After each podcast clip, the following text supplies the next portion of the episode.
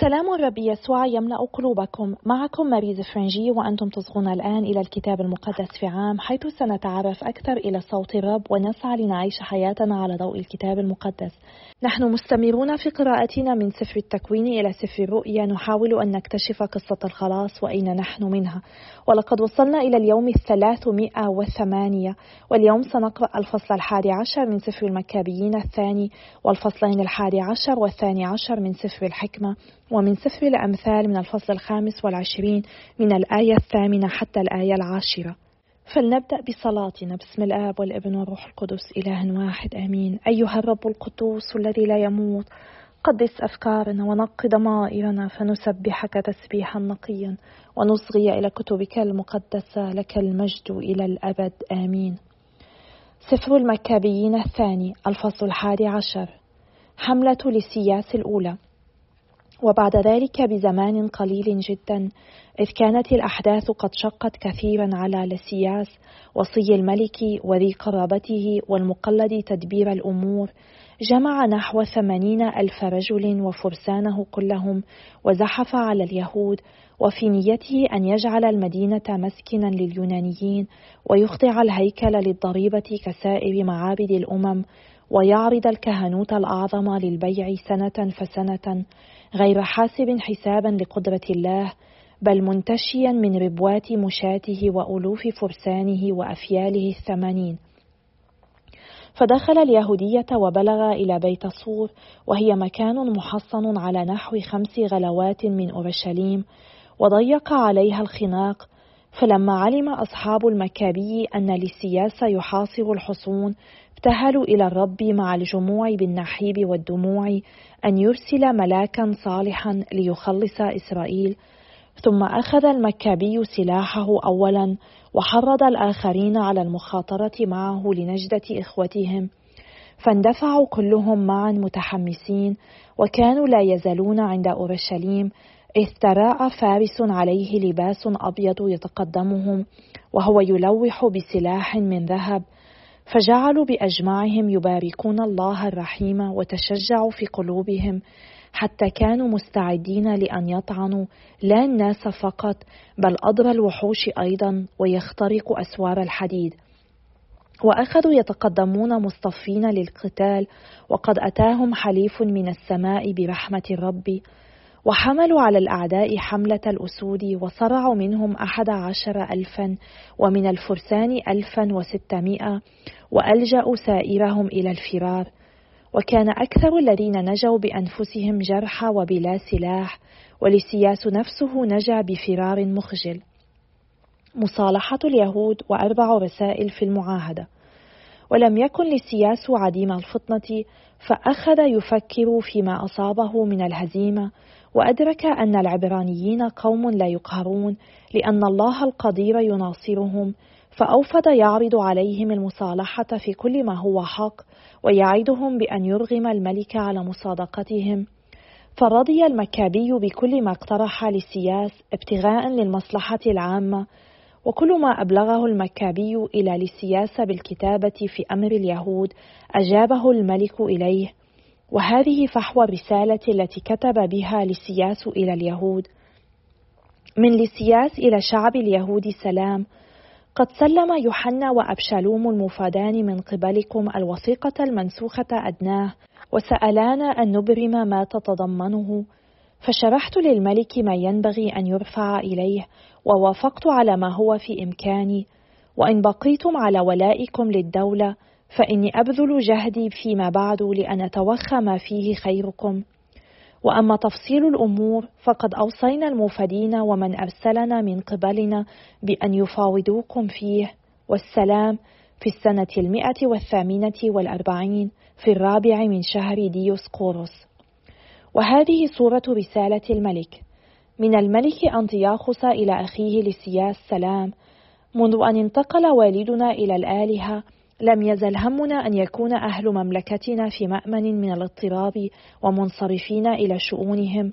وبلغنا أيضا أن اليهود غير راضين بما أمرهم والدنا من التحول إلى سنن اليونانيين بل إنهم يفضلون مذهبهم الخاص ويسألون أن يباح لهم العمل بسننهم. ونحن نريد لهذا الشعب أن يكون كغيره خاليا من الاضطراب. فإننا نحكم بأن يرد لهم الهيكل وأن يعيشوا بحسب عادات آبائهم. فإنك تحسن عملا إن أرسلت إليهم ومددت يمناك إليهم. حتى إذا علموا بما عزمنا عليه اطمأنوا وانصرفوا بسرور إلى شؤونهم. وهذه رسالة الملك إلى الأمة. من الملك أنطياخس إلى مشيخة اليهود وسائر اليهود سلام. إن كنتم في خير فهذا ما نحب ونحن أيضا في العافية. وقد أطلعنا منلاوس على رغبتكم في العودة إلى منازلكم. فالذين يعودون إلى اليوم الثلاثين من شهر كسنتيكوس يكونون في أمان. وقد أبحنا لليهود أطعمتهم وشرائعهم كما كانوا عليه من قبل. وكل من هفى منهم فيما سلف فلا يضايق. وأنا مرسل إليكم منلاوس ليطمئنكم والسلام في السنة المئة والثامنة والأربعين في الخامس عشر من شهر كسانتيكوس وأرسل الرومانيون إلى اليهود رسالة هذه صورتها من قوينتوس مميوس وطيتوس منليوس رسولي الرومانيين إلى شعب اليهود سلام. ما رخص لكم فيه للسياس نسيب الملك فمنحكم إياه أيضا وما استحسن أن يرفع إلى الملك. انظروا فيه وبادروا إلى إرسال واحد لنعرضه على الملك بما يوافقكم لأننا ذاهبون إلى أنطاكية فعجلوا في إرسال من ترسلون لنكون على علم بما تبتغون. والسلام. في السنة المئة والثامنة والأربعين في الخامسة عشر من شهر كسانتيكوس سفر الحكمة الفصل الحادي عشر. ووفقت مساعيهم عن يد نبي قديس فساروا في برية غير مسكونة ونصبوا خيامهم في أماكن لم تطأها قدم وقاوموا محاربيهم وردوا أعداءهم. معجزة الماء المقابلة الأولى. عطشوا فدعوا إليك فأعطوا ماء من صخرة شديدة الانحدار وشفاء لغليلهم من الحجر الجلمود فالأمور التي عوقب بها أعداؤهم أصبحت تلك التي أحسن بها إليهم في ضيقهم وبدلا من معين نهر دائم يعكره دم موحل عقابا على أمر بقتل الأطفال. أعطيتهم على غير رجاء ماء غزيرا. بعد أن ريتهم بعطشهم إذ ذاك كيف عاقبت خصومهم؟ فإنهم لما امتحنوا وإن كان ذلك تأديب رحمة. عرفوا كيف كان عذاب الكافرين الذين حكموا بالغضب لأن هؤلاء قد امتحنتهم كأب ينذرهم وأولئك حاسبتهم كملك قاس يحكم عليهم وكانوا من بعيد أو من قريب يذوبون عذابا على السواء. فقد أخذهم حزن مضاعف ونحيب بتذكر الماضي لأنهم لما سمعوا أن ما كان لهم عقابا كان لأعدائهم إحسانا شعروا بيد الرب فإن الذي سبق أن طرحوه ورذلوه ساخرين أدهشهم في آخر الأمر إذ كان عطشهم يختلف عن عطش الأبرار. حلم الله في معاملة مصر. وبسبب الأفكار الغبية الظالمة التي أضلتهم حتى عبدوا زحفات لا نطق لها وحشرات حقيرة عاقبتهم بأن أرسلت عليهم جما من الحيوانات التي لا نطق لها لكي يعلموا أن كل واحد يعاقب بما خطئ به ولم يكن صعبا على يدك القديرة التي صنعت العالم من مادة لا صورة لها أن ترسل عليهم جما من الأدباب أو الأسود الباسلة أو وحوشا ضاربة غير معروفة ومخلوقة جديدا ملؤها الغضب وتبعث نفخة ملتهبة أو تنفث دخانا نتنا أو ترسل من عيونها شرارا مخيفا فكانت تهلكهم خوفا من منظرها فضلا عن أن تبيدهم بضررها. حتى بدون هؤلاء البهائم كان نفس واحد كافيا لإسقاطهم يطاردهم العدل ويبددهم بريح قدرتك. لكنك رتبت كل شيء بمقدار وعدد ووزن. أسباب هذا الحلم. فإن قدرتك العظيمة هي دائما رهن إشارتك فمن الذي يقاوم ذراعك؟ لأن العالم كله أمامك مثل ما ترجح به كفة الميزان وكنقطة ندى الفجر التي تسقط على الأرض. لكنك ترحم جميع الناس لأنك على كل شيء قدير وتتغاضى عن خطايا الناس لكي يتوبوا. فإنك تحب جميع الكائنات ولا تمقت شيئا مما صنعت فإنك لو أبغضت شيئا لما كونته. وكيف يبقى شيء لم ترده؟ أم كيف يحفظ ما لم تدعه؟ إنك تشفق على كل شيء لأن كل شيء لك أيها السيد المحب للحياة. الفصل الثاني عشر. فإن روحك غير القابل للفساد هو في كل شيء ولذلك فإنك توبخ شيئا فشيئا الذين يزلون وتنذرهم مذكرا إياهم بما يخطئون فيه لكي يقلعوا عن الشر ويؤمن بك أيها الرب. حلم الله في معاملة كنعان. وأما الذين كانوا قديما سكان أرضك المقدسة فقد أبغضتهم لأجل أعمالهم الممقوتة من سحر وطقوس مدنسة وقتل أطفال بغير رحمة ومآدب لحم ودم بشري يأكلون فيها حتى الأحشاء. وأولئك المطلعون من الإخوان والوالدون القاتلون لنفوس لا نصير لها. قد أردت أن تهلكهم بأيدي آبائنا. لكي تكون الأرض التي هي أكرم عندك من كل أرض عامرة بأبناء لله كما يليق بها. ومع ذلك فإنك أشفقت على أولئك أيضا لأنهم بشر. فبعثت بالزنابير تتقدم جيشك لكي تبيدهم شيئا فشيئا لا لأنك عجزت عن إسلام الكافرين إلى أيدي الأبرار بالقتال أو عن تدميرهم مرة واحدة. بوحوش ضارية أو بأمر جازم لكنك بإجراء حكمك شيئا فشيئا منحتهم مهلة للتوبة. وإن لم يخف عليك أن طبيعتهم شريرة وأن خبثهم غريزي وعقليتهم لا تتغير أبدا لأنهم كانوا ذرية ملعونة منذ البدء. أسباب هذا الحلم. ولم يكن عفوك عن خطاياهم خوفا من أحد فإنه من الذي يقول ماذا صنعت؟ أو من الذي يعترض على حكمك؟ ومن الذي يحاكمك لأنك أهلكت الأمم التي خلقتها؟ أو من الذي يأتي ليشهد عليك بأنك تدافع عن أناس ظالمين؟ إذ ليس سواك إله يعتني بجميع الناس حتى تريه أنك لا تحكم حكم الظلم. وليس لملك أو سلطان أن يجابهك في أمر الذين عاقبتهم. وبما أنك عادل فأنت تسوس بالعدل جميع الناس وتحسب الحكم على من لا يستوجب العقاب أمرا منافيا لقدرتك. لأن قوتك هي مبدأ عدلك وبما أنك تسود الجميع فأنت تشفق على جميع الناس. تعرض قوتك للذين لا يؤمنون بكمال قدرتك وتخزي جزارة الذين يعرفونها. أما أنت فإنك تسود قوتك فتحكم بالرفق وتسوسنا بكثير من المراعاة لأن في يدك القدرة على العمل متى شئت. ما علمه الله لإسرائيل. وبأعمالك هذه علمت شعبك أن البار يجب عليه أن يكون محبا للناس وجعلت لأبنائك رجاء حسنا لأنك تمنح التوبة عن الخطايا. فإن الذين كانوا أعداء أبنائك ومستوجبين للموت إن كنت عاقبتهم بمثل تلك العناية والتساهل جاعلا لهم زمانا ومكانا للإقلاع عن الشر.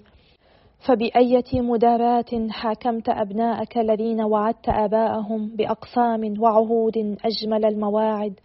وهكذا فإنك تؤدبنا بجلد أعدائنا جلدا خفيفا لكي نتذكر حلمك إذا حكمنا وننتظر رحمتك إذا حكمنا. عودة إلى المصريين عقابهم التدرجي. لأجل ذلك فالذين عاشوا في الغباوة عيشة ظلم عذبتهم بقبائح أنفسهم.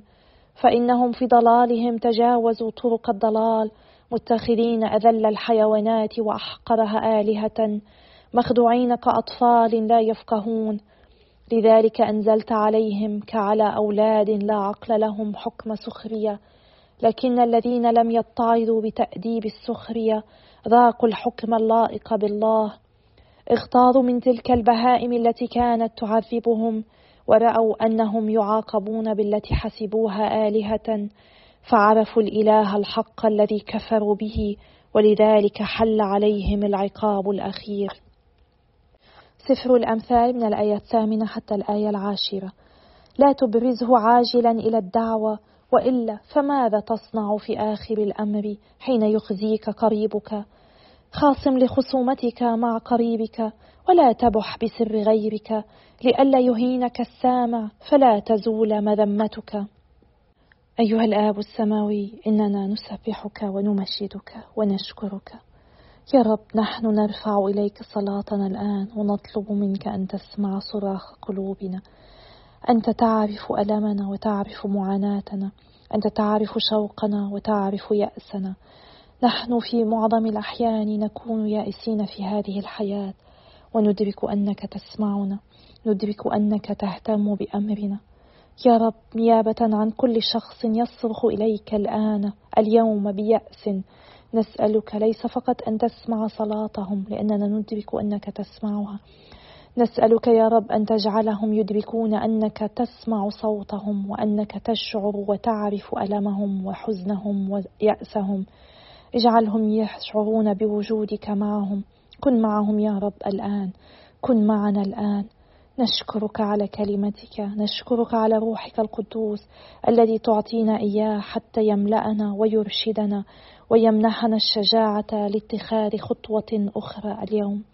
أعطنا النعمة يا رب كي نتخذ خطوة أخرى قدما اليوم على درب القداسة نحوك يا رب. باسم الرب يسوع نصلي آمين. باسم الآب والابن والروح القدس إله واحد آمين. اليوم قرأنا قصة أخرى رائعة ترينا تدخل الرب لأجل شعبه. قرأنا اليوم عن ظهور فارس أبيض بينما كان أهل أورشليم يستعدون للقتال. على الرغم من حضور الرب كان على الشعب أن يدخل في معركة مع أعدائه. نحن هنا نتذكر مرة أخرى أن الله دائما حاضر معنا وهو يساندنا وهو يدافع عنا حتى عندما لا نشعر بحضوره. هو دائما يفعل ويتدخل ولكنه يتوقع منا أن نفعل ما علينا فعله أيضا. والرب يسوع حتى يتكلم عن ذلك في إنجيل القديس متى الفصل الخامس والعشرين عندما يقول كنت عريانا فكسوتموني كنت جائعا فأطعمتموني كنت عطشانا فسقيتموني المطلوب منا نحن أيضا أن نفعل ما علينا فعله. لا يمكننا أن ننتظر من الرب دائما أن يتدخل وأن نجلس كاتفين الأيدي. حتى عندما نصلي علينا أن نصلي بثقة وأن نفعل ما يجب علينا فعله ونترك الباقي للرب.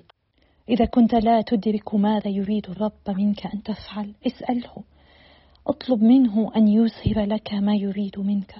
قل له يا رب أنت دائما حاضر أنت دائما نشيط في حياتنا. ساعدني يا رب كي أكون أنا حاضر لك وكي أكون نشيطة كما أنت تريد يا رب. باسم ربي يسوع أطلب منك. آمين.